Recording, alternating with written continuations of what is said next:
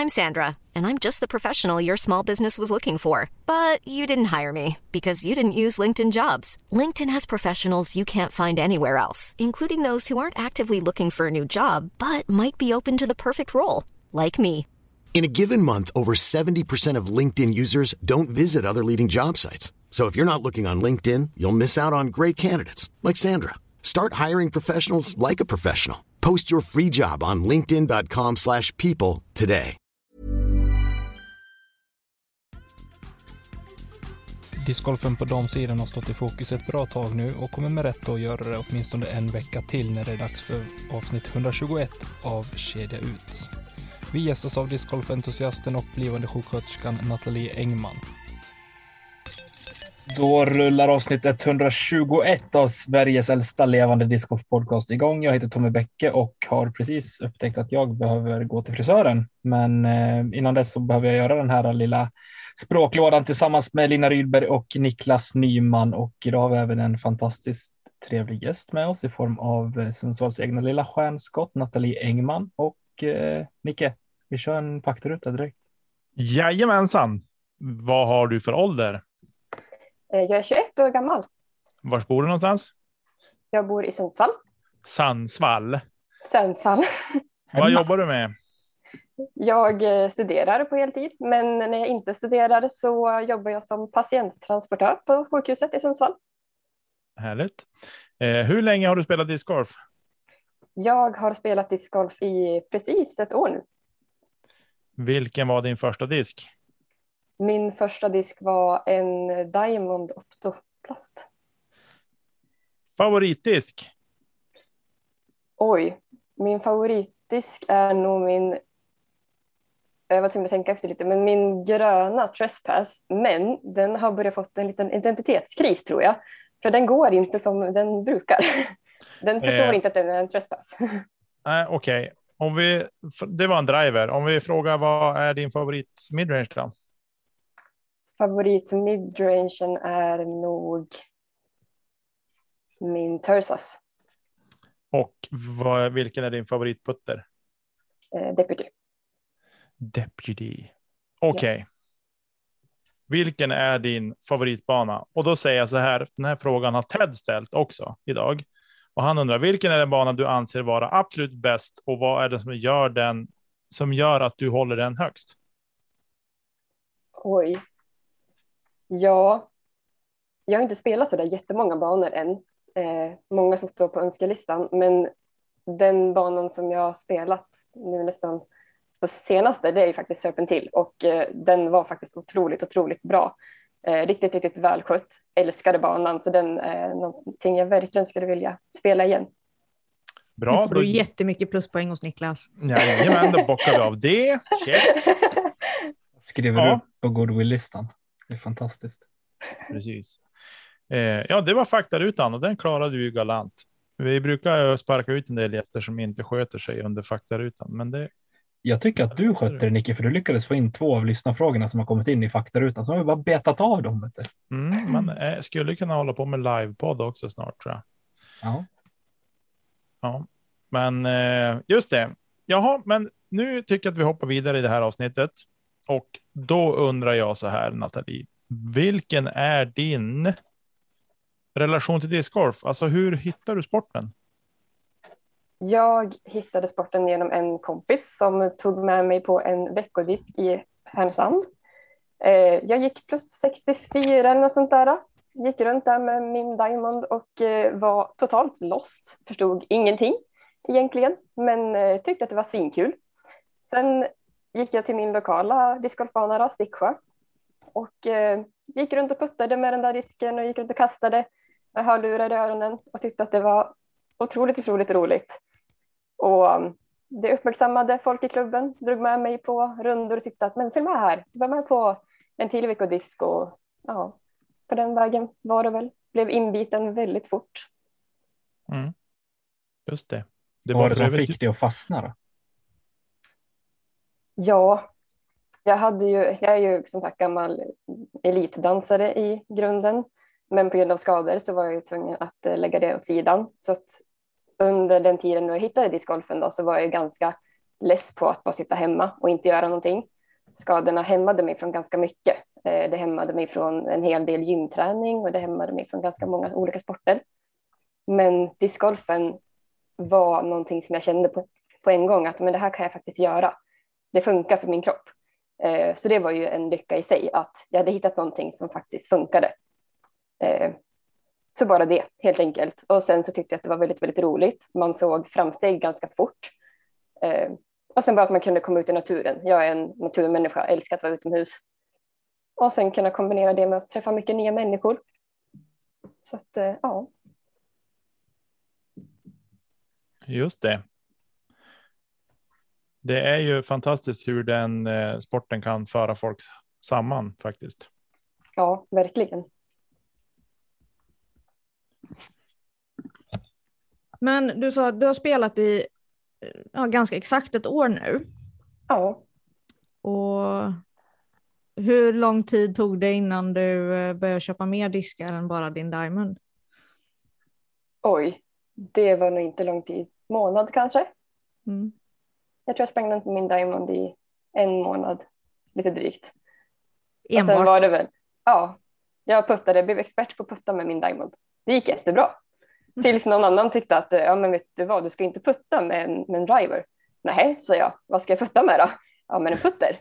Jaha, vad är det då? För jag förstod inte alls liksom att det fanns massa olika diskar. Det var ju liksom bara att, ja men här har du en disk, kasta.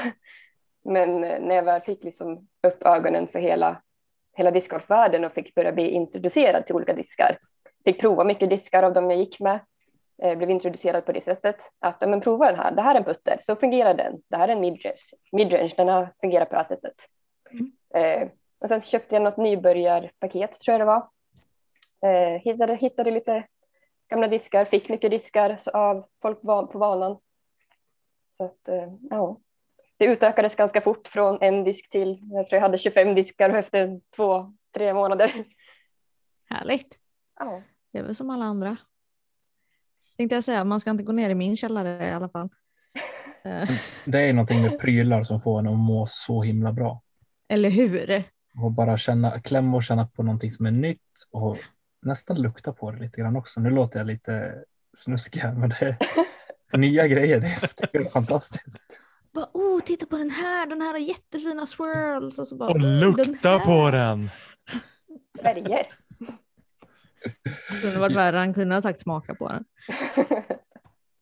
Eh, Det är ett annat avsnitt. eller hur? Men efter någon månad så utökades i alla fall vägen. Och Mm. i takt med det så skulle jag gissa att eh, dina skills hängde med. Ja. Eh, vad var det som gjorde att du tog steget och började tävla? För nu är du ju väldigt tävlingsaktiv. Ja, eh, jag kommer faktiskt inte riktigt ihåg på vilket sätt och hur. Men man började gå på veckogolferna. Jag var väldigt aktiv på dem förra året. Eh, och sen var det väl någon tävling, jag vet inte om det var eh, Karo som drog med mig, eh, men jag tror min första stora tävling var väl tjejkastet i Hofors. Och eh, det gick ju rätt bra där. Hamnade i särspel på min första tävling om pallplats vann det särspelet. Mm. Eh, så att eh, man hamnade i hetluften direkt och stod där. Jag var så himla nervös. Alltså jag stod och darrade med hela kroppen och alltså folk som stod runt omkring och kollade när man stod där på första hålet skulle putta och visste att sätter jag putten så vinner jag särspelet. Mm. Och så mycket har jag nog aldrig skakat, så nervös har jag nog aldrig varit någon gång. Och då har jag ju tävlat som sagt inom dans, både nationellt och internationellt sedan jag var ja, men nio, åtta, nio år, något sånt där. Ja. Så att nervositet har jag ju känt av förut, men inte på det sättet. Alltså det, det var så hemskt. Men eh, intressant. satte den putten och eh, ja, den, den lyckan den var ju otrolig. Och sen så fortsatte det ju bara. Det var ju tävlingar på hemmaplan och det var någon till tävling och jag och Karo har ju hängt ihop sedan dess mycket och vi har åkt iväg på mycket tävlingar tillsammans, haft lite tjejhelger och sådär. Ja, alltså ni har ju blivit lite utav radarparet eh, inom discgolftjejer i, i Sverige. Så här, ja, men det är Karo och Natalie. Det är, Ja. liksom, det är nästan så ni är samma person. ja, men det har ju liksom blivit lite så för att ja, men, del, dels att dela liksom på att ja, men, kan dela på boende och bensin och sånt där och få någon att åka med och diskutera lite med och så där. Och man hjälper ju verkligen varandra att utvecklas. Ja, men Eh, någon att tävla mot också. Alltså Ja, man, man är ju på likvärdig nivå och så ibland har den ena en bättre dag, ibland har den andra en bättre dag och man liksom drar numera lite i alla fall. varann. för, förut, alltså Karo har ju verkligen varit min stora förebild här i stan, Mm. som att det har liksom varit hon som var den discgolfande tjejen.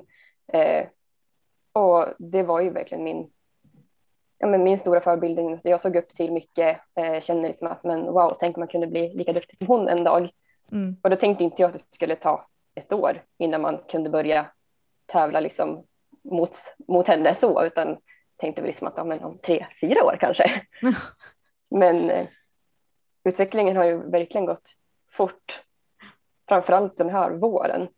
Jag Mm. hade ju en månad där som gick otroligt fort och jag kände själv liksom att men oj, wow, vad händer? Det var väl den månaden tror jag som jag var iväg på tävling typ varje helg. Jag tror jag hade en och en halv månad jag var iväg på tävling varje helg. Ja, men det- är då när det bara klickar. Ja, ja men det var mycket som klickade och Saga klickade verkligen rätt. Ja. Du åkte eh, ju halva Sverige från dag till dag. Ja, men ni Jag, jag minns hur jag reagerade avsnitt. på det här och jag bara, alltså vad, vad håller hon på med? Hon gör ju inget annat än att bara åka bil och tävla. ja, men jag var upp till Husum och ner till Hofors och det var Söderhamn och det var Gävle och det var Bollnäs. Och, ja, det var allt möjligt. Det ska är passa på. ja, men Men just- exakt. När Det är inte så lång lite, säsong. nej, det är det verkligen inte. När du är inne lite grann på relationen med Carro så här också. Vi har haft med henne på den tidigare för er som har missat det. Eh, kan du känna liksom någon gång att nu jäklar ska jag krossa den jäveln alltså. Nu ska jag visa henne. Nej, inte riktigt på det sättet. Eh, vi har ju faktiskt som sagt numera börjat kunna liksom slå varandra. Eh, och vi har ju fått kommentarer när vi varit på tävlingar att eh, oh, men oj, åker ni tillsammans hem nu? Blir det inte dålig stämning i bilen? Eh, nej, varför skulle det bli dålig stämning? Bara, ja, men nu slog ju ja, men, Nathalie Karo med två kast eller ja, hur det nu har varit och sådär. Eh, men vi ser ju inte alls det som något dåligt utan snarare som någonting positivt. För liksom, som ni säger, man pushar ju varandra. Och Mm. gör jag en bättre tävling så blir det en pushning för Karro och tvärtom såklart, att hela tiden bli bättre. För har man ingen att liksom jämföra sig med eller liksom att pusha sig med, klart att man kan pusha sig med andra långt ifrån, men det blir ju bättre om man har någon på hemmaplan som man faktiskt verkligen kan tävla mot och sådär. Eh, och eftersom att vi är mycket ute och tränar tillsammans så blir det att man ser, man ser framsteg och man kan diskutera om saker och man ser varandras utvecklingsmöjligheter på ett annat sätt. Eh, vi kan ju ut och träna och så kan jag hamna i ett konstigt läge och Karo kan säga åt mig att "Ja, men, gör så här nu, för du missar alltid på det här sättet. Mm. Så hon kan ju liksom coacha mig och jag kan till viss del coacha henne också, ju mer jag börjar förstå spelet såklart. Mm. Eh, hon är mer erfaren än vad jag är just nu, så att hon förstår ju mer än vad jag gör. Men det är verkligen ynnest, ynnest att, att få, få ha det. Den liksom, vänskapsrelationen. Och sen att vi spelar par tillsammans gör ju också det hela ännu bättre. Ja, precis. För att ni eh, var ju faktiskt med i Luleå Ja, som ert första SM. ja. Det var ju det. Hur kändes det? Sjukt coolt. Verkligen. Jättehäftigt. Eh, vi sa ju det när vi började spela par, liksom, att men vi ska satsa på det i år. Mm. Vi ska satsa på par sen. Vi ser om vi kommer med överhuvudtaget. Vi satt ju där när vi såg att det var med anmälningsstegen med, med rating och vi visste att det skulle gå på Carros rating som att hon var högre ratad än mig. Och, Mm. eh, Så satt vi där och undrade, liksom att, ja, men undrar hur många som kommer anmäla sig och ifall vi ens kommer komma med eller inte. Det var ju som första frågan. Eh, Men när vi väl visste att vi skulle komma med så var det liksom bara att, ja, men, hårdträning egentligen. Eh, träna på olika saker. Vi har tränat mot andra. Det blivit mycket träning mot herrar såklart eftersom att det är ganska få tjejer uppe här. Men eh, träna på lite olika sätt. Och nej, det var riktigt, riktigt roligt. Och fick ju blodad tand på en gång så vi sa ju det så fort vi var klara. att Nästa år, nästa år. Mm. Det, alltså det jag tror att ni har gjort som många andra faktiskt inte har gjort, skulle jag nästan våga påstå, är att ni har ju faktiskt tränat mycket par. Alltså ni har ju tränat på att spela tillsammans. Mm. Jag menar, jag och Matilda träffas typ en gång om året och så går vi våra träningsrundor ihop och så bara ja, okej, okay, men det här kan vi. så att det är ju lite det som blir skillnaden och jag tror att det är det som ändå gör att ni lär er mycket av varann också. Vi lär oss mycket av varandra och sen så sa vi det också att vi är ju väldigt vi är ganska lika som spelare. Eh, mm. Vi kastar ganska lika diskar. Eh, vi har ganska lika kast. Sen har vi ju svagheter och styrkor som vi kompletterar varandra med. Eh, vilket vi känner är väldigt, väldigt bra såklart. Men ganska mycket, mycket saker gör vi också lika. Så att om jag kastar först så kan jag bli en vindvisare eller vägvisare för Karo och tvärtom. Mm. Vilket blir en väldigt stor fördel när man spelar par. Att ja, men, gå min disk då väldigt mycket högre eller väldigt mycket vänster så kan ju Karo på en gång känna att okej, okay, då ska jag diska upp eller diska ner. Mm. Precis. Och det blir ju liksom en, en positiv fördel att vi är ganska lika jämfört med de som kanske är väldigt, väldigt olika som spelare. Mm, men precis. Så att ifall, ja, det är nästan så att ni tar upp exakt samma disk ur sin egen väska på liksom ett hål ni kommer upp till. Mm. Eh, så det är klart att det har sina fördelar också. Ehm, men eh, vi har fått en eh, fråga från Choppe som jag tänker att vi klämmer in här samtidigt. Och han undrar hur det kommer gå i Maria, Manira Matchplay och vad ni har för tankar inför lag-SM. Ja, om vi börjar med Manira Matchplay då. Eh, vi fick ju faktiskt till en eh, en ren damklass i år, vilket är otroligt kul. Manira Matchplay är ju en match, eh, ja, matchserie som vi har här uppe i eh, ja, Västernorrland, ska man väl säga. Det är Timrå och Sundsvall med omnejd. Eh, banorna som spelas på är ju Fagervik och Sticksjö. Och det är både två herrklasser, en parklass och så en damklass blev det i år. Och vi blev tio stycken damer, så det var jättekul. Kul! Riktigt, riktigt roligt. Bra. Så vi fick ju faktiskt två grupper också. Så det var väldigt, väldigt kul. Eh, och det gick ju verkligen över förväntan för min egen del. Jag har gått obesegrad genom hela Manira Matchplay hittills, genom både gruppen och särspel, eller vad heter det, slutspelet. Mm. Så att eh, det är ju final som vankas nu snart då, och det är ju mellan mig och Karro.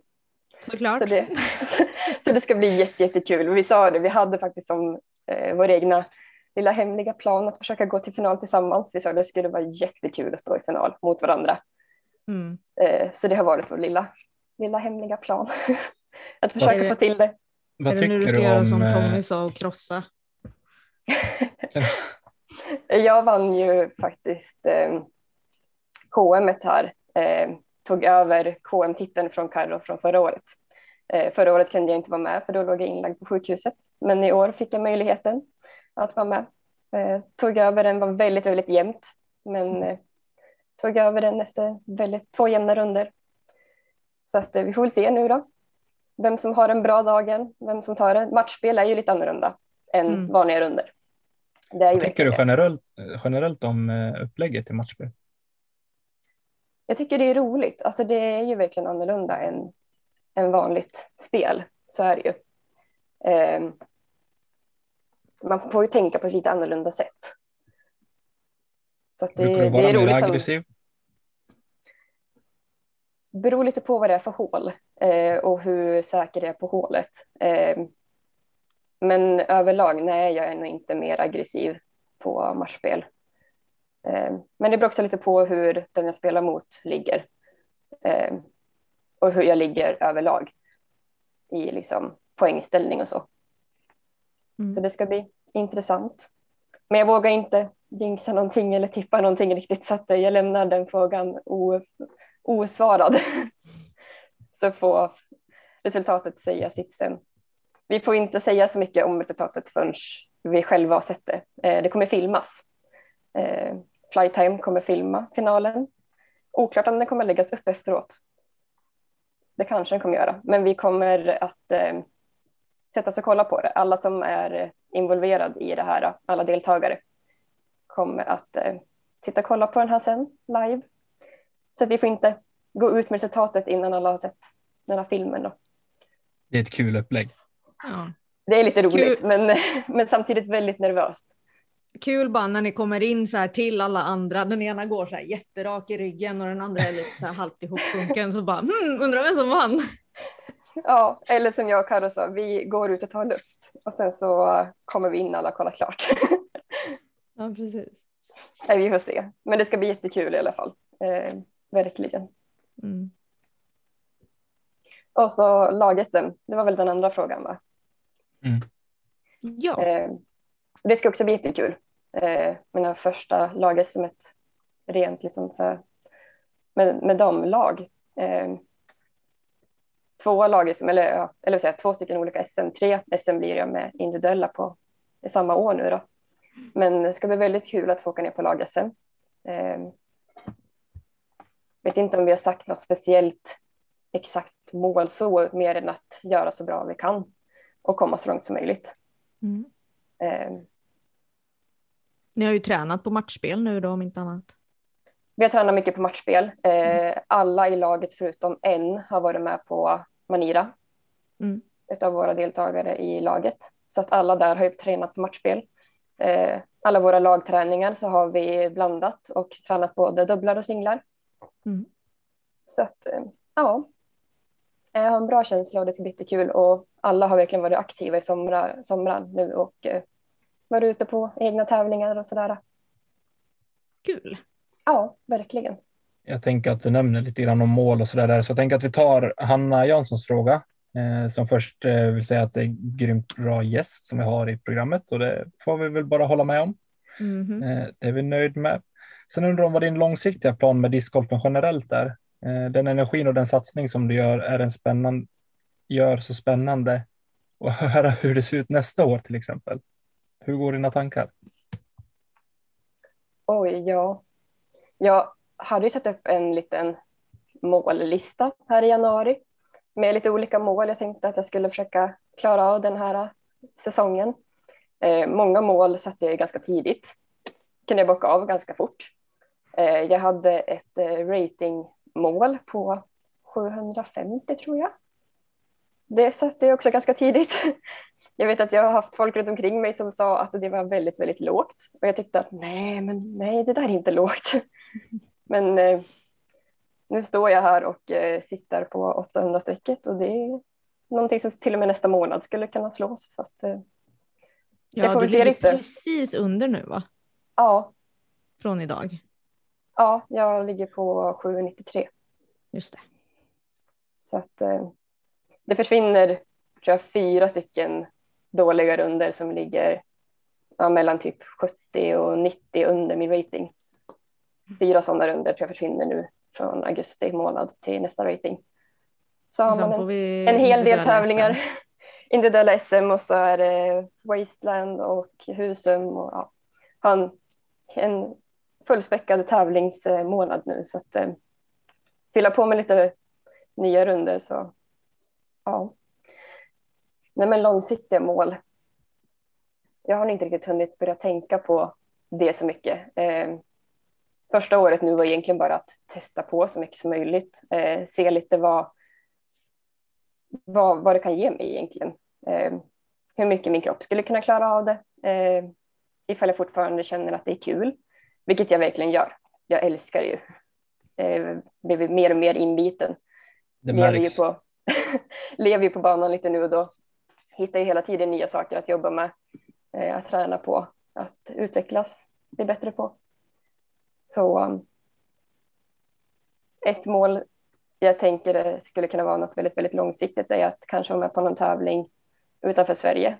Eh, bara för att det skulle vara kul att eh, ut, utmana mig själv. Eh, både på personligt plan och eh, discgolfmässigt.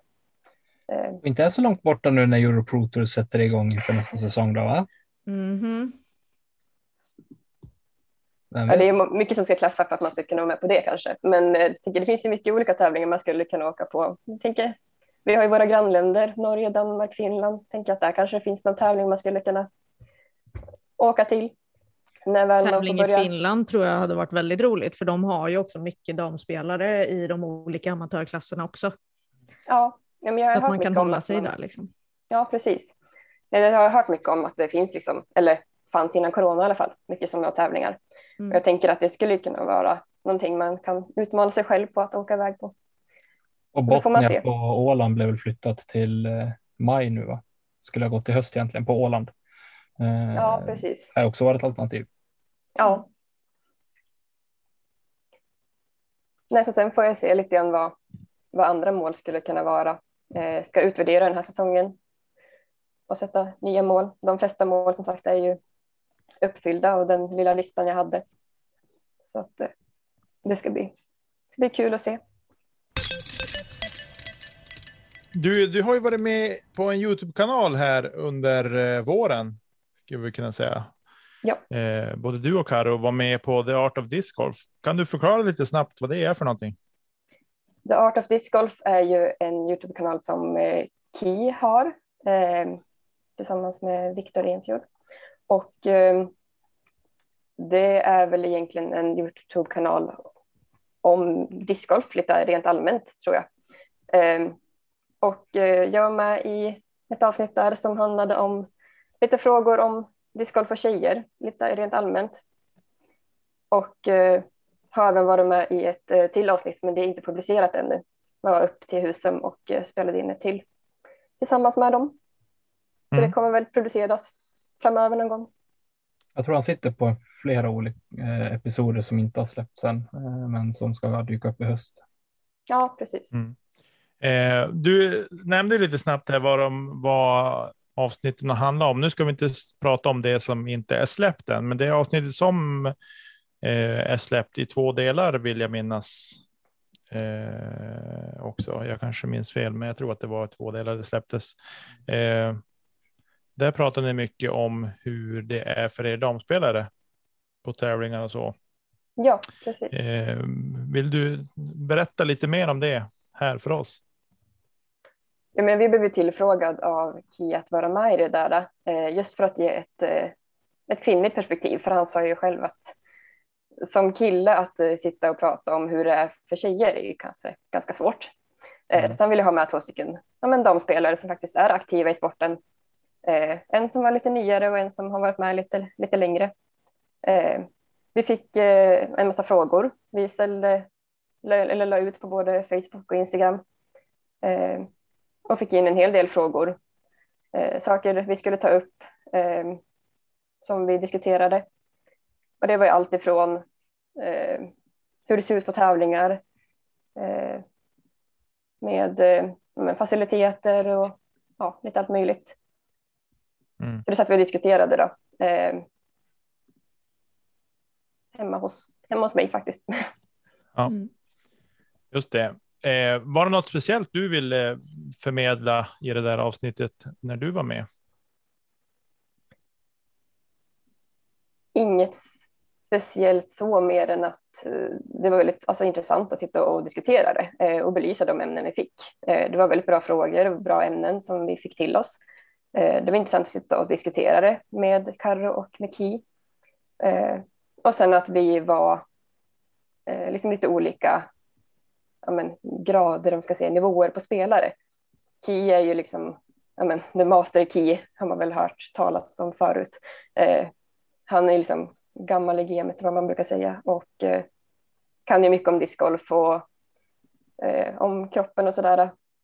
Karo har ju varit med flera år och är liksom lite vanare discgolfspelare och jag då när vi spelade in det i våras då hade ju knappt spelat ett halvår så.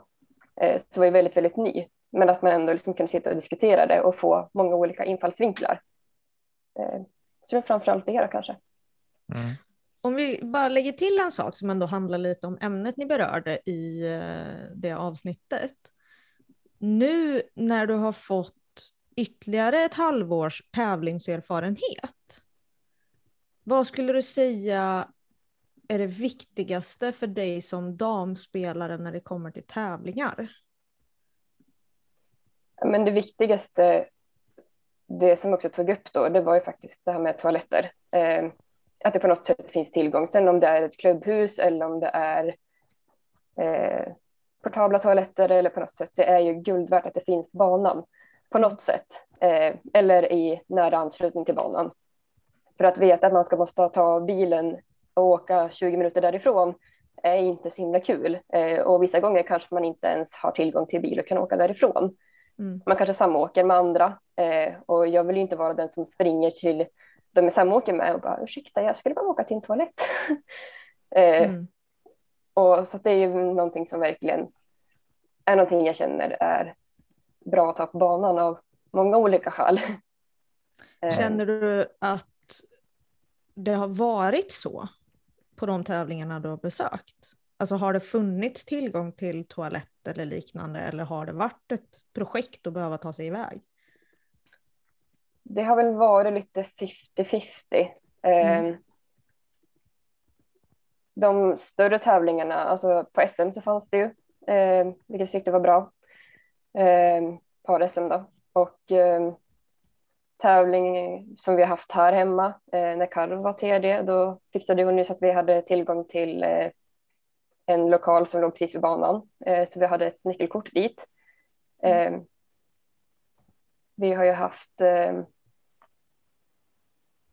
jag kommer inte på någon andra jag sa rent i huvudet, men ja, det är väl ungefär 50-50 på de tävlingar jag varit på, att det har funnits tillgång till det eller inte. Eh, mm i nära anslutning. Då. Det kanske kunde funnits någon mack som har varit liksom på hyfsat gångavstånd eller fem minuter därifrån. Och det kan jag ändå tycka är hyfsat okej, okay, liksom. men helst ska det vara liksom, ja, verkligen på, på banan, gångavstånd minuten kanske. Ja, eh. alltså för det blir ju ändå så här, ja men som du säger, fem minuter att gå. Ja, det är ju 15 minuter för att mm. komma tillbaks. Ja. Går du snabb väl på plats? Jo, mm. ja, men fem minuter dit, fem minuter där, fem minuter tillbaks. Ja, men då ska det verkligen göras liksom lång tid innan eller så ska det liksom passas in i den här liksom matpausen emellan som kanske ibland inte ens är en riktig matpaus utan kanske bara är ja, 20, 20 minuter. minuter. Ja, precis. Ja. Och då hinner man verkligen inte göra sån sak utan då blir det ju liksom att man ja, knappt äter och sen så ska man springa till sitt nya hål som kanske är allra längst bort på banan. Mm. Så då hinner man inte göra det. Um, och det är inte alltid man känner sig bekväm heller att springa in i skogen och göra det. Är man bara med tjejer och man vet att man har tjejer framför och bakom sig, då kan jag ändå känna att ja, men, är det okej att jag springer upp hit och springer in på toaletten in i skogen? Men det blir också så här att ja, men, även om jag gör det så känns det som att man stoppar upp spelet lite grann. För det blir en litet, litet avbrott. Eh, så att jag vet inte riktigt. Det, man har det hellre liksom nära till hans banan så att man kan göra det i den lilla, lilla pausen. Även om det är en liten paus. Eh, så att, eh, mm. det, det har jag nog känt vara liksom det allra viktigaste. Eh, men sen nu när det varit som varm sommar så vatten är också någonting som är väldigt viktigt och det är inte bara för tjejer utan det är faktiskt för alla. Ja. Eh, så är det ju. Men det är någonting som jag i och med kanske min sjuksköterskehjärna, det här med att inte få i sig vätska. man måste verkligen få i sig vätska, alltså man fungerar inte som människa annars du kan få i dig hur mycket socker och energi som, som helst, men får du slut på vätska då fungerar det inte. Det... Jag har också börjat värdesätta just eh, tillgången till, eh, till vatten på barnområdet eh, betydligt högre nu än vad jag gjorde tidigare. Mm. Dels för att jag blir äldre och kanske glömmer bort att fylla på. Men jag tycker att det är fantastiskt när det väl finns vatten på plats. Och så glömmer man ofta bort att dricka också. Eh, mm. Det kan jag också komma på mig själv om att man glömmer bort att dricka.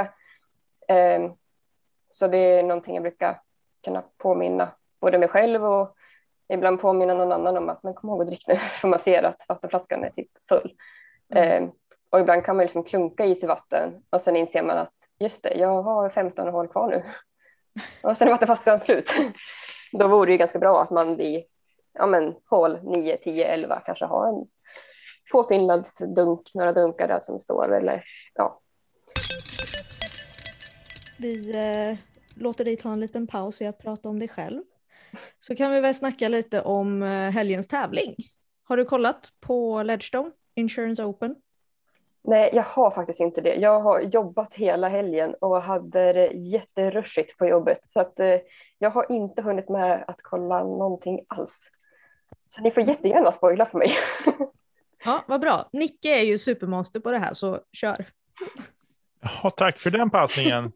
Ja, Helen Sledstone, jag försökte ju kämpa med att hålla mig vaken och se så mycket som möjligt, men jag kan eh, villigt erkänna att jag har inte sett så mycket av liven i helgen. Jag har sovit en hel del live i helgen, men jag har inte sett så mycket live. Eh, jag har sett en del post production faktiskt. Eh, det var väldigt surt att det inte fick spelas färdigt över fyra runder som det var tänkt. Eh, men en bra tävling. Northwood Black är ju kanske den sjukaste banan eh, man har skådat. När man kan gå sex över par och ändå gå runder över tusen i rating. Mm. Eh, det säger nog något om banan. Jag kan säga att nästan alla proffs som jag följer på Instagram har ju sagt att det här är den svåraste banan de typ någonsin har spelat. Mm. Då ska vi ju lägga till här då i tankarna. Vad är det här för typ av bana? Ja, det dels är det ju, den är ju otroligt tajt, men den är ju, alltså framför allt så är det väl det att den är så straffande. Mm. Det är nog där den största grejen är. Alltså tajta skogsbanor har vi sett, mm, finns det ju gott om. Mm. Eh, men den här är så sjukt straffande, för träffar du trädet på fel sida så ligger du riktigt dåligt till. Mm.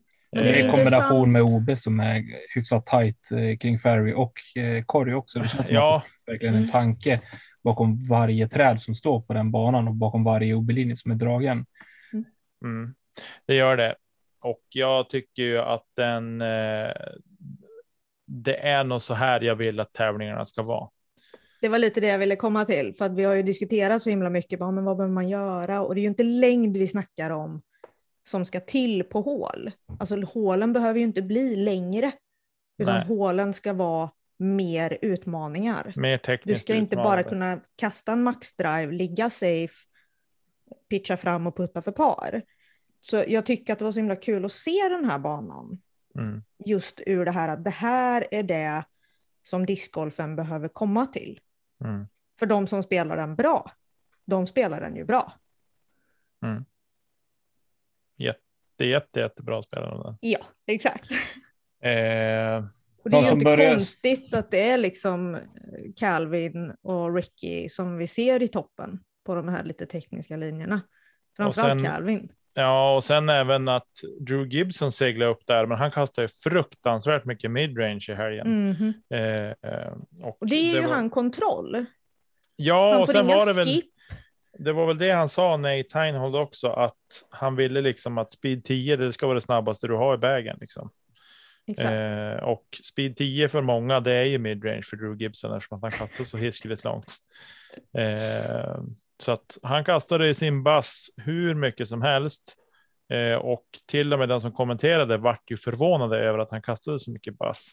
Men då han gör det med den kontrollen och eh, liksom träffar sina linjer, ligger rätt på fairway eh, och liksom ger sig chansen till att ta, birdies. Så då är det ju otroligt eh, vinnande, ett vinnande koncept för hans del. Och det här är så roligt också för att Drew är ju som du säger, det är ju en person man tänker liksom så här, ja men han drivar över 600 feet. Alltså vi snackar 200 meter i hans kast. Men vi ser ju inte honom i lead card på golfbanor. Vi har inte gjort det i alla fall. Och så kommer Nej. han och liksom dansar lite lätt på en sån här teknisk och, och utmanande skogsbana. Mm. Och här visar ju då att även om det är den typen av banor så har distanskastarna en viss fördel för att de kan diska ner. Mm. För att kasta midrange, ja för det första så träffar du ju linjen väldigt bra, det tror jag de flesta kan relatera till. Sen så skippar ju inte en midrange på samma sätt som en driver gör. Nej. Så att han kommer ju aldrig liksom, där han går ner kommer han ju ligga kvar. Jag tror att det handlar väldigt mycket om smartness också här, att man faktiskt man respekterar banan och eh, någonstans har, har koll på sina egna begränsningar eh, Mm. och gör smarta val hela tiden.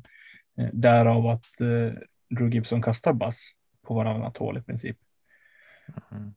Eh, För han och går inte för liksom nästa distansen läge. utan han går för kontrollen. Exakt. Mm. För han vet själv att ja, men ligger jag i skiten nu då kommer jag inte kunna göra nästa kast som jag vill i alla fall. Nej.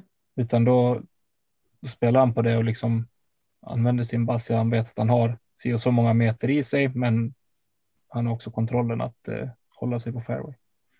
Mm. Sen var han ju extremt, extremt bra från cirkel två också. Ja. Mm. Eh, det som var synd på den där banan, det var att det inte gick att se live egentligen första tio hålen. Eh, eftersom att det var så otroligt dålig täckning där. Ja, Så det var på så vis var ju det synd, för det varit roligt att se mera live där inifrån. Mm. Eh, men däremot så får man ju hoppa tillbaka och se mer post production istället då från den där banan. Det kan vara lite Eh. mysigt nu efter man har sett så mycket live också. Ja, det kan ju faktiskt vara det. Och att det inte försvinner fyra timmar av en kväll. Ja, ja, nu är det slut på Kappvärdarpodden här. Vi ska se det live. Jo, vi ska se det live, absolut. Jag säger bara att det är göra. trevligt med lite, lite blandat. Ja, nej. Ehm, Lilla landet lagom. precis. Sen var det ju trist att den banan vi kunde se live på, den fick vi bara se en runda från och sen några hål Mm. eh, Mm. innan det avslutades på grund av weather delay som sen vart weather consistent och sen vart det. För någon som spelade väldigt, väldigt bra sista, eller ja, första, sista fem hålen på sista rundan i alla fall, eh, var ju Kyle Klein. Kyle Klein. Mm. Eh, men, eh, och som då l- låg i ledning, eh, mest på grund av att han hade spelat eh, fem hål och eh, Leadcard hade bara spelat tre just då vid tillfället. Men ja, det blev en liten debatt på hur det faktiskt borde ha sett ut. Vad, vad är er åsikt kring de regler som finns idag kring det här och hur hade ni önskat att det såg ut? Jag tycker så här, reglerna är det de är. Och vi får helt sonika i det här fallet acceptera dem. Sen med det sagt tycker jag att reglerna borde skrivas om. Åtminstone för sån här, den här digniteten av tävling tycker jag. Eh, Mm. Att den borde avgöras på dagen efter i sådana fall. Mm. Eh, det, det är väl min, min ståndpunkt i det hela. Men med de regler som är idag, så då är det det här som är utfallet. Om det inte går att genomföra tävlingen inom rimlig tid, så då säger regelboken att då delar man på, då tar man den senaste spelade färdiga rundan som resultat. Och det är bara att gilla läget. Alla går in med den vetskapen om det. Eh, sen kan man ju tycka vad man vill om att, om att det är så. Eagle hade någon take på att man skulle spela 13 hål på finalrundan eller någonting sånt. Jag har inte sett allting Ja. själv. Eller Eh. nej, jag ska rätta dig lite där. Han menade att om det hade varit så att man inte hade, att man hade kunnat börja spela men inte hunnit spela 18 hål så säger han att det räcker att spela 13 hål. Ja, Och det Men- hade räddat den här tävlingen. Det var ingenting han menat, så här gör vi i framtiden, Nej, utan nej, han hade okej. velat rädda den här tävlingen. Okej, ja, nej. Och då räcker det med 13 hål så länge Fast hade inte alla kunnat spela 13 hål eftersom att folk bara hann spela tre. Liksom. Ja, nej, men om. Jo, Ja. men då kan man spela 18 om det om också. Eh, Men, Jo, fast inte ifall det blir mörkt.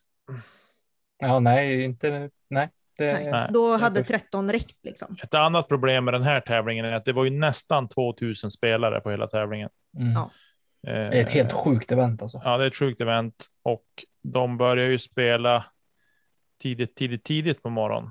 Eh, de som går ut först. Menar, damerna går ju ut klockan 10 lokal tid tror jag. De gick ut lead Mm. Eh, och herrarnas leadcard gick väl ut typ halv fem på eftermiddagen.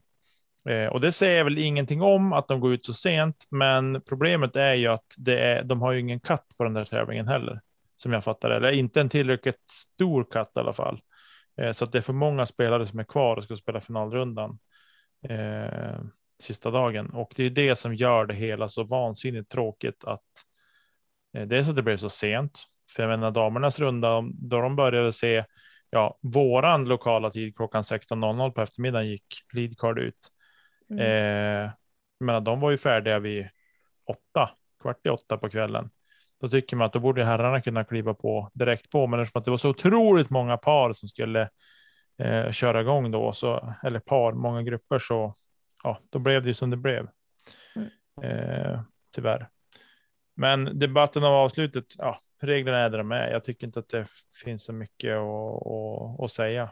Nej. Mer att lära sig utav det och kanske fundera på om DGPT ska ha en, en, en, eh, ja, en waiver då, får det ju bli, med ett Mm. frånsteg från PDGA-regelboken med att om det är lika och det blir weather delay, då får man ju liksom se över om det går att spela färdigt eh, dagen efter. Och då kanske det handlar om, det kanske det handlar om eh, de spelare som inte hunnit, alla spelare som har spelat mer än nio hål, de räknas bort från det där då, så att det inte blir att det är 80 spelare som ska spela eh, sista rundan som i slutändan kanske inte har någonting mer att göra heller.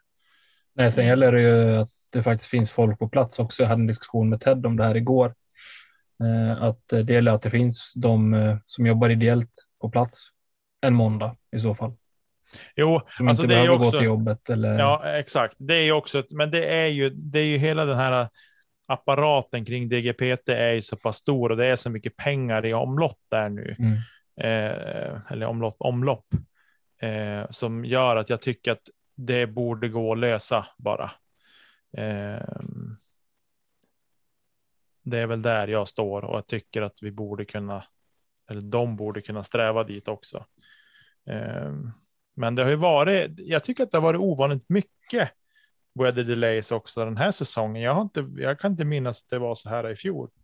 Fast det ena var ju regn och väder och nu har det ju varit åska. Mm. Heavy rain tror jag det var i Emporia. Eh, ja, det Men kan det var ju typ stämma. monsun så det var inte jättekonstigt Han är heller. väl inte gjord av socker. Eller? Vissa av oss säger det. Då har de inte varit på par-SM i Västervik år 2020 för där regnar det hinkar vatten. De är av plast. Det gör ju jätteont ju. Exakt. Innan det spårar ur nu så kan vi bara vara överens om att vi, får, vi accepterar de reglerna som är och sen eh, de som inte gör det får väl eh, ja, man the fuck up helt enkelt.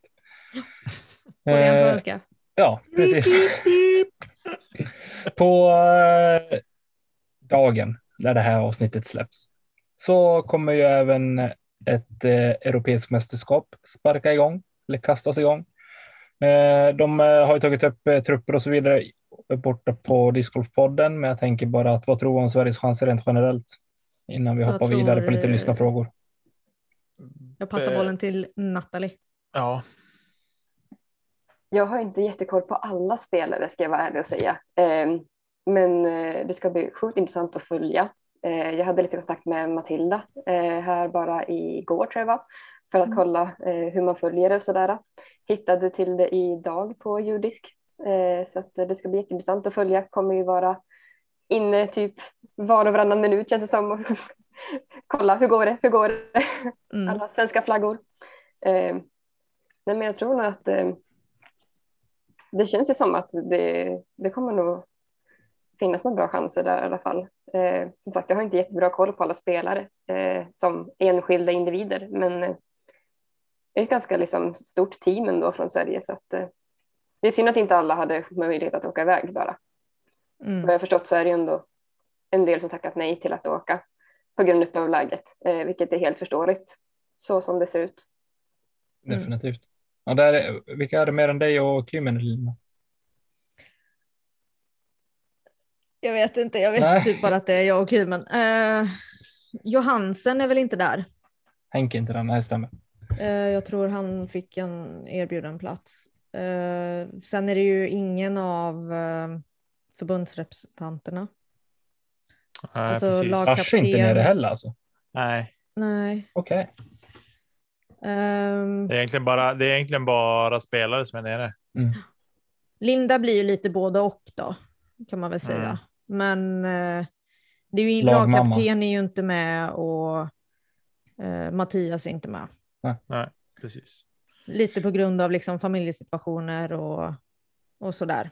Eh, som har gjort att man inte kan, helt enkelt. Mm. Jag tackade nej för att jag visste inte ifall jag skulle ha hunnit få vaccin. För att i Värmland så var det fem veckor när 50-åringen, fem veckors väntetid när 50-åringarna skulle boka Så att när jag räknade på det då så skulle jag inte ha hunnit ta första dosen än. Nu blev det ju så att jag har det. Men eh, Och med fler chanser. ja, förhoppningsvis gör det det. Vi önskar i alla fall alla stort lycka till och eh, hoppas att vi kan eh, ja, rå åt oss en medalj nere i Tjeckien. Det hade varit roligt. Det hade varit grymt roligt. Kom ihåg att ha kul allihopa. Spela smart. Det är Spela kul bra. att vinna. Ja, fast nu ska vi inte hålla på sådär Tommy. Ha kul, för då spelar man bra. Ja. Vi har ju lite lyssnarsfrågor som har kommit in också. Vi har ju, vi har ju betat av några här under faktarutan och så under avsnittet. Men Niklas Nygren, han undrar, vilket är ditt favorithål samt hathål som du har spelat? Oj. Den där är jättesvår. Som sagt, jag har ju inte spelat jättemånga banor. Eh, mitt hathål har ju faktiskt varit på min egna hemmabana, eh, Stickhöra, hål 16. Mest bara för att jag aldrig fått till det hur jag ska göra. Eh, jag har alltid kastat rakt ner i vattnet eller i lilla bäcken som finns där på vänstersidan. Eh, gått OB, behövt bara pitcha upp den på fairway, försökt komma runt det och ja, kommit fram på typ en sjua på det här parfirat. Eh, tills typ ja, för två, tre månader sedan då jag fick hjälp av en kompis att bara kasta putter, putter, inspel, putta. Och helt plötsligt så fick jag min fyra.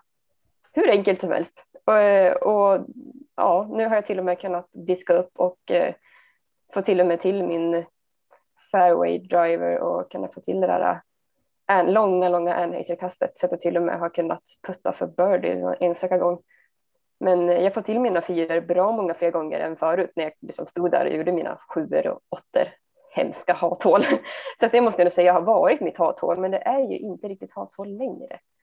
Det låter ju nästan som att det har blivit ett sånt där hatkärlekshål. Ja, det är snarare ett hatkärlekshål. Ja. Det kan vi nog kalla det för. Lite hatkärlek till det där hålet. Eh, favorithål. Alltså det är ju jättesvårt. Eh, komma på något bara så här. Eh, bara för att jag har det färskt i minnet. Det blir ju så. Det man har spelat eh, på senaste är ju det som man har färskt i minnet. Eh, så ska jag väl säga Serpent Hill. Vad blir det då? Det blir ju hål fem. Det som man kastar från den lilla boden och så ner. Eh, par fyra. ja, precis. Och så blir det ganska smalt på slutet. Mm. Armen Eh. som det kallades av någon. Jag minns inte vem det var som sa det. Ja, men det hålet vet jag att det gillade jag. Eh, väldigt fint hål och eh, jag fick till det väldigt bra, mina kast som jag gjorde där. Eh, så det kan man säga är ett väldigt fint, fint och bra hål. Passar mig som spelare. Ja. Eh, du, Jonas Moberg. Han har ett ganska långt intro till sin fråga, men jag måste ju läsa alltihopa. Sedan jag hörde Ki prata om vad som är bra, vad som är bra att ha med i väskan och vilka kunskaper han föredrar att andra han går med på runder har, framförallt inom sjukvård, känner jag mig ofta tryggare på banan när jag går med dessa eller vet att det finns i närheten. Är det också något som du upplever eh, att du tänker på eller att andra tänker på när du är med? Alltså att man har med sig typ en, en eh, gasbinda eller någonting sånt. Liksom.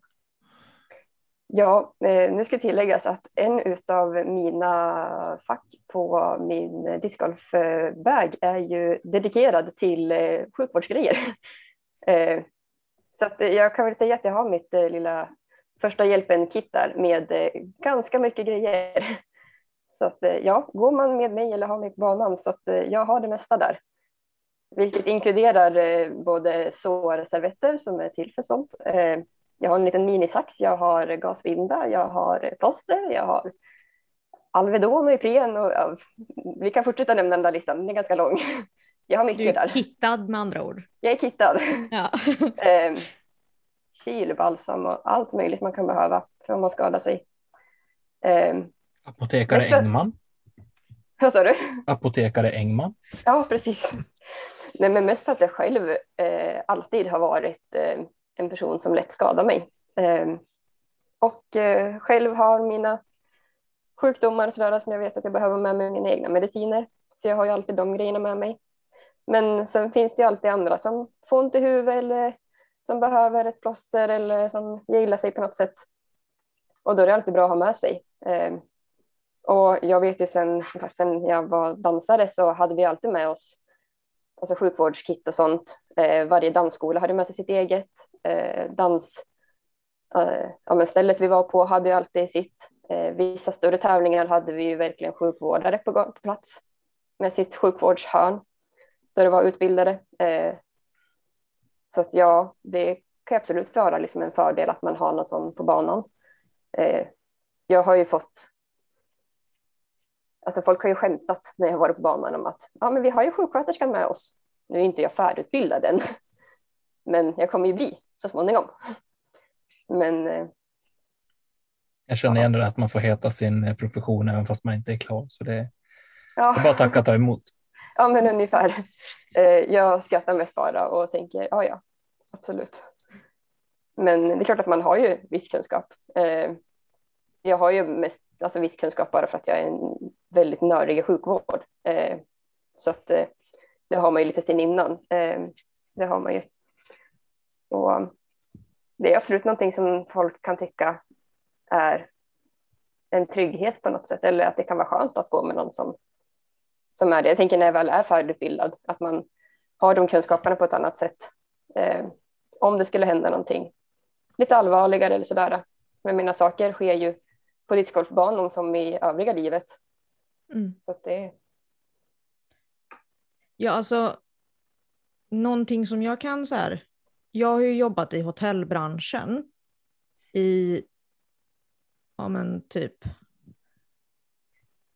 tio år i princip. Där har vi ju liksom årliga utbildningar inom brand och inom första hjälpen. Och det är någonting som är superviktigt. Mm. För att jobbar man som receptionist till exempel så är du ensam ansvarig för ett hotell fullt i människor. Där jag jobbade hade vi 1900 sängplatser. Vi kunde potentiellt vara nästan 2000 personer som jag ensam på natten ansvarade för. Och för mig då att få det här, även om man så varje år när vi skulle ha den här första hjälpen-utbildningen så bara, oh, men det här kan jag ju. Jag har gjort det liksom, ja men det kändes som typ tusen gånger. Men det är ofantligt viktigt att faktiskt mm. kunna det. Och även nu då när jag inte har jobbat inom hotell på några år så är det ju fortfarande så att jag gör ju sådana här saker årligen för att, att påminna mig själv. Ja, men det är ju ett muskelminne ganska mycket. Eh, om man tänker liksom första hjälpen som i HLR. Mm. Eh, det är jättebra att man har gjort det någon gång. Men det räcker inte att säga att ja, men jag gjorde det för fem år sedan på mitt jobb. Ja, Nej, det precis. är bra, men eh, gör det igen nu. Så det finns saker som har ändrats i mm. hur man har, tänker när man ska göra HLR, eh, vad som är viktigast och hur man ska göra, vilken ordning, vad man ska prioritera. Eh, och sen är det muskelminne. Mm. Och det finns andra saker också som är första hjälpen med högläge och hur man ska snöra av eller om det blir ormbiten, vad gör man då? Alltså det finns mycket sånt där man ska tänka på mm. och hur man ska tänka på det. Eh, ring 112, vad bör du säga? I vilken ordning bör du säga det? Du behöver inte förklara vem du heter och vil vilken ålder du är i. Du behöver inte förklara vem du är. Du ska säga vad som har hänt, vilken plats det är. Alltså mycket sånt mm. som man kanske inte tänker på. Eh, och... Jag tror att folk kan ha nytta av att få hjälp och liksom veta vart man kan hitta informationen. Mm. Och lite så här, vad behöver jag tänka på för min egen trygghet och för andra som går med mig. Mm. Och ifall alla får det tänket, då är ju genast liksom hela banan mer säkrad för skador. Ja. För jag menar, säg att du ramlar över en stock och mm. får en pinne in i låret. Jag menar, det är liksom inte omöjligt. Nej, men kraftig blödning är också en sån sak. Vad gör du om du får en kraftig blödning? Ja, spontant det måste- så vill man ju liksom rycka ur pinnen ur benet men det är så här, nej, gör Nej. inte det. Det kan ju vara förenat med livsfara och det kan ju liksom innebära två minuter så har du liksom förblött. Ja. För du kan ju ha träffat en större liksom artär och Mm. rycker du ut den där pinnen så ja, men då sitter du där med sår som det bara väller ut blod och du förstår inte varför. Mm. Men vet istället att nej, låt den där pinnen vara. Snöra av ditt ben eller din arm eller hand eller vad det är för någonting med någonting. Ta vad som helst, ryck av dig tröjan, Eller om du- Strumpor. strumpor, vad som Mm. helst liksom. Eh, så Det är därför ja. jag alltid har bälte på mig oavsett vad jag har för byxor när jag spelar discgolf. Mm. Ja, men det är mycket sånt där som man tänker liksom är ja, men en, en självklarhet men ändå inte. Det är viktigare Eh. än vad man tror, tror jag. Ja. Någonting Jag ska man kan sätta- söka mycket och man kan hitta mycket information på egen hand också. Jag ska att- sätta dragsko på mina boxerkallingar så det är bara slita åt om man gör illa sig i benen. Ja, du ser.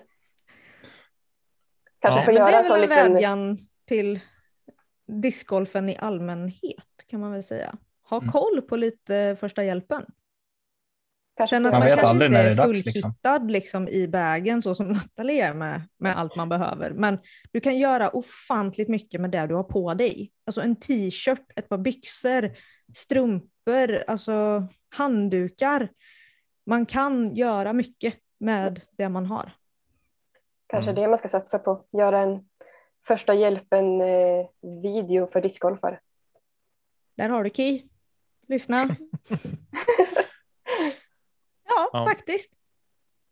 Ja, men det är Ja. ganska simpelt egentligen. Simpla saker som är, du behöver inte ha liksom, sjukvårdsutbildning för att kunna göra det. Du behöver bara veta hur du ska göra det, vilket sätt du ska göra det. Mm, Sen ska du ringa till två. Sen guidar de dig. exakt. Man borde klara sig rätt långt på en dasspapperrulle och eltejp också. Mm. Mm. Ja, nu lämnar vi det där innan vi skenar iväg fullständigt. Eh, du, Sofie Hansson undrar, vad är ditt bästa tips för att få fler tjejer att börja med denna sport? Ja, som aktiva damdiscgolfare eh, så tror jag nog att eh, som Karo hade förra året här uppe, är att ha tjejkvällar. Det gjorde ju jättemycket. Vi har ju fått jättemånga som har blivit aktiva genom det. Eh, är nog mycket genom det som vi hade den här äh, rena damligan nu då i Manira. Ehm, men sen också kanske våga ta kontakt med de tjejer som man ser på banan. Det är ju många tjejer som är ute och går eh, med sina pojkvänner och sådär. Man kanske våga säga hej, men är ni ute och spelar? För ofta så kanske man släpper förbi folk. Ehm, och där kanske det går en tjej liksom och ja. Ehm, men så här, små, små event för tjejer, alltså jag vet inte. Jag tyckte det var ganska bra som vi hade här uppe förra året. Det, det Mm. drogs mycket till de kvällarna. Mm. Vad tror du man behöver göra för att nå ut då? För det tycker jag är svårt. vi skapade ju en, eller vi, Karo, skapade ju en Facebookgrupp här eh, som hette typ discgolf för tjejer i Sundsvall och Timrå, tror jag den hette, Mm. eh, som snabbt växte. Eh, det gick jättefort så fick ju den många eh, följare och eh, via, via det eventet så la hon ju ut att nej, men nu är det en till tjejkväll och så. Eh, sätta upp lappar på banan, eh, se om det finns något annat event någonstans eller om man kan sätta upp på någon lokal anslagstavla i stan eller på lokala ICA eller handelsbutiker och sådär. Någonstans där det syns mycket. Mm. Eh, sen är sociala medier alltså bra till mycket. Så att eh, försöka bara vara så aktiv man bara kan där. Överaktiv. Tjataktiv. Ja, för det, Det finns liksom- ju nästan en gräns till att nu tjatar jag något fruktansvärt här. ja, men Så att man liksom tröttnar på sig själv. Ja, men det är så här, lägger man ut det en gång, ja men då kanske du har missat 20 pers, för de har Mm. inte sett det. Nej, Om du inte precis. använder en sån här kampanj, men då ska du ju betala massa saker. 134 det. kronor, då kan man nå ut till 448 pers. Ja, och det kanske man inte liksom vill betala eh, om man inte liksom, För att få in Ja. 40. Eller nej 20. precis, Eller ja, 15. Ja, precis. Men jag är nästan lite tjasaktiv och många olika kanaler. Mm. Ja. Det är bra tips. Framförallt hugg, hugg tag i de som är där med, ja, men, i de klassiska fallen eh, med de eh, tjejerna och damerna som är där med sina pojkvänner eller flickvänner. Mm. Eh, som faktiskt, eh, om man kanske bara är med och tittar på första gången, ja men där har man ju guldläge liksom. Det Mm. finns fler tjejer som är med och spelar, vill du hänga med? Och han får inte följa med. Tar en disk i väskan bara, här varsågod, ge Ja. tillbaka till den. Du kan ge tillbaka den på tisdag när vi är Mm. här och spelar bara tjejer. Mm. Ha den, kasta lite, ha Mm. kul. Jag har ju är fått killkompisar till mig eh, som hört av sig till mig och säger liksom att ah, men, du, jag har en tjejkompis som ska börja kasta men, men jag vet inte hur jag liksom ska introducera henne och jag har ju liksom diskar som är kanske lite för, ja, men jag, jag vet inte riktigt hur jag ska, ska göra och har du några tips på bra diskar och ja, och sen har det liksom blivit till den grejen, eller till det steget att de vill ha med mig på deras runder med den tjejen för att typ introducera och förklara och sådär. Vilket är Mm. jättekul. Så att, eh, och då kan man ju få in det på det sättet också. Det är grymt. Mm. Eh, Jag tänker ta en, eh, en fråga från Beatrice Nyström. Du var ju lite inne på tidigare avsnittet här att om den putten i särspelet eh, på din första tävling, att du var nervös och så. Mm. Eh, Men hon undrar om du har upplevt prestationsångest på banan och hur, hur du arbetade bort det i så fall. Oj. Jag har nog hittills inte, alltså jo, prestationsångest så har man väl känt. Inte liksom sån ångest att jag har liksom velat gått. Jo, eh, gått därifrån har jag velat gjort, eh, uppe på Paresen. Gud vad dåligt jag mådde efter ena rundan. Usch. Eh, då vill jag bara gå ut i skogen och inte träffa folk. Eh, men prestationsångest på det sättet har jag väl hållit mig undan ganska bra. Mest för att jag hela tiden har gått in i tävlingar med inställningen jag ska bara göra mitt bästa. Och sen får det gå så långt det kan gå. Mm.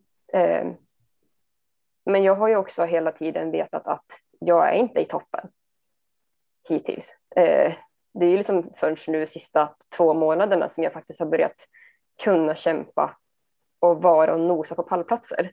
Och det är då jag har börjat känna att, ja men shit, jag kan ju faktiskt, ja men det är ju bara två kast ifrån en pallplats eller vad det nu kan vara för någonting. Mm. Och då har man på ett sätt kunnat känna att, ja men skit också att jag inte tog den där eller tänk om jag hade gjort sådär på det håret istället. Men gjort är ju gjort så att jag kan inte göra så mycket åt det. Och under rundorna så har jag också hittills hållit mig från att kolla score. Eh, och det är också någonting som jag aktivt har valt att jag vill inte hålla koll på scoren.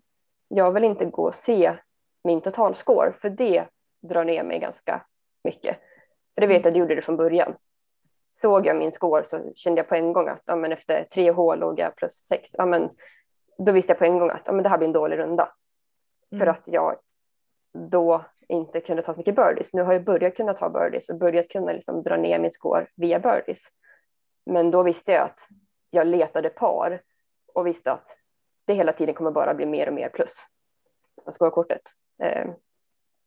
Så jag har ju aldrig gillat att föra, men det har man ju fått göra mer och mer eftersom att man börjar bli den mer erfarna. Mm. Men jag har ju nu mycket försökt att arbeta med saker jag kan förebygga för att inte hamna i det, den situationen. Att hamna i ett, ett pressat läge med mig själv. Eller något som att känna sig själv lite grann också. Liksom vad, vad kan man hantera och vad undviker man helst? Jag tycker att du förklarar det på ett väldigt pedagogiskt sätt. Att, vet du själv att du, du kommer in i de här tankarna i de och de situationerna så har du gjort det här och det här för att undvika det. Mm. Eh, Det är någonting som jag kan avundas faktiskt, att, eh, ja, att man klarar av. För jag är inte där kan jag säga. Ja, men och sen lärde jag mig också ganska tidigt att spela safe. Eh, det var nog bland det första jag lärde mig när jag började tävla. Att spela ditt spel, spela safe. Så det har varit mitt mantra sedan dess, att hela tiden spela safe, spela mitt spel. För jag kan ju bara påverka det jag gör. Jag kan inte påverka det någon annan gör. Mm. Ifall någon annan spelare vill hålla på och psyka andra spelare, ja det får stå för dem. Jag är inte en sån person. Eh, så jag kan ju faktiskt inte påverka någonting vad någon annan gör. Jag kan bara påverka det jag själv gör och hur jag själv presterar. Så det enda jag kan göra är att spela mitt eget spel och göra mitt eget bästa. Precis. Och det för oss ju lite, lite osökt in på, på Karos fråga, eh, om vi ska ta avsluta med den tror jag till och med. Eh, men hon undrar vad som motiverar dig att fortsätta utvecklas och bli bättre. Och jobbar du med någon mental träning och vad får dig att komma tillbaka efter en tung runda eller period inom discgolfen? Ja. Ja, men det är väl nog ungefär samma sak där. Alltså, har man haft en dålig runda, Ja försöker jag alltid sätta mig ner och kolla, alltså, vad var det jag gjorde bra och gjorde dåligt. Eh, alla tävlingar som jag är på så sätter jag mig alltid ner eh, dagen efter tävlingen och eh, sitter och skriver ner eh, fysiskt på papper vad som var positivt med tävlingen, vad som var negativt med tävlingen. Och det kan ju vara prestations, prestationsmässigt och det kan vara speciellt något hål eller speciellt att amen, alla puttar satt eller de satt inte eller ja, och så vidare. Och sen utveckling har jag också en liksom, rubrik. Vad Klassisk träningsdagbok. Ja, ungefär.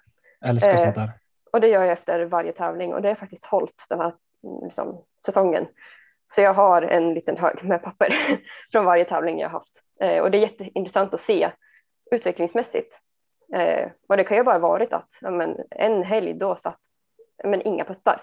Men däremot kanske alla inspel satt så att jag behövde inte putta så mycket. Men de puttar jag behövde putta, då gick det liksom inte alls som jag ville. Eh, någon annan gång då satt alla puttar och det kanske var en tävling som gick jätte, jättebra och då satt typ allt. Ja, men då kanske man inte hittar så mycket negativt.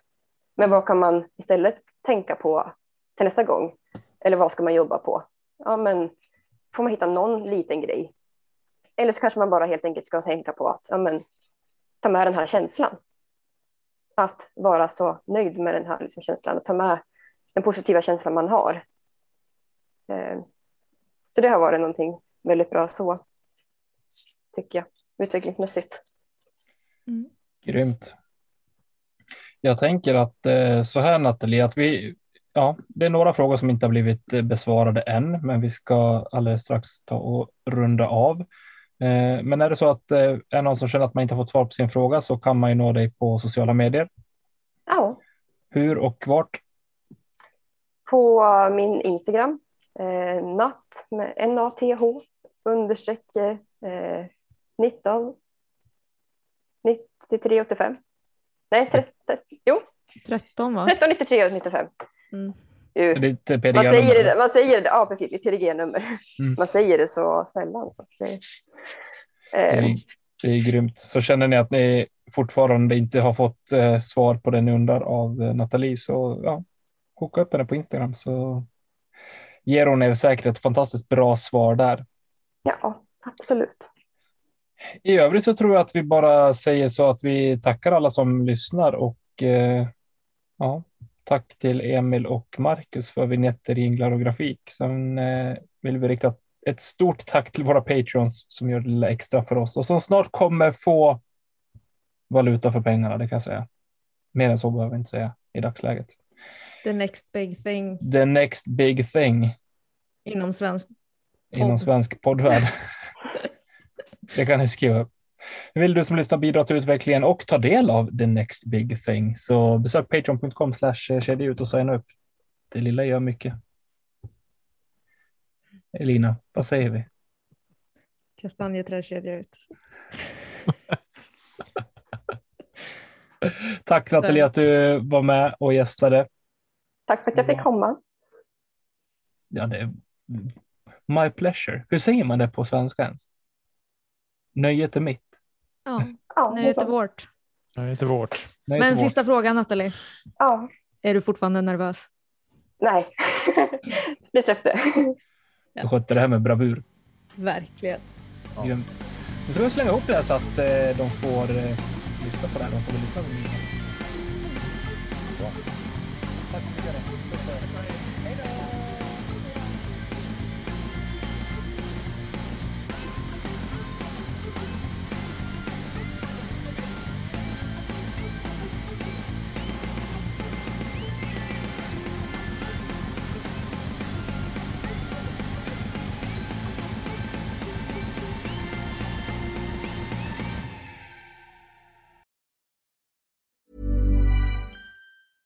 Mom deserves the best, and there's no better place to shop for Mother's Day than Whole Foods Market. They're your destination for unbeatable savings, from premium gifts to show-stopping flowers and irresistible desserts. Start by saving 33% with Prime on all body care and candles. Then get a 15-stem bunch of tulips for just $9.99 each with Prime. Round out Mom's menu with festive rosé, irresistible berry chantilly cake, and more special treats. Come celebrate Mother's Day at Whole Foods Market.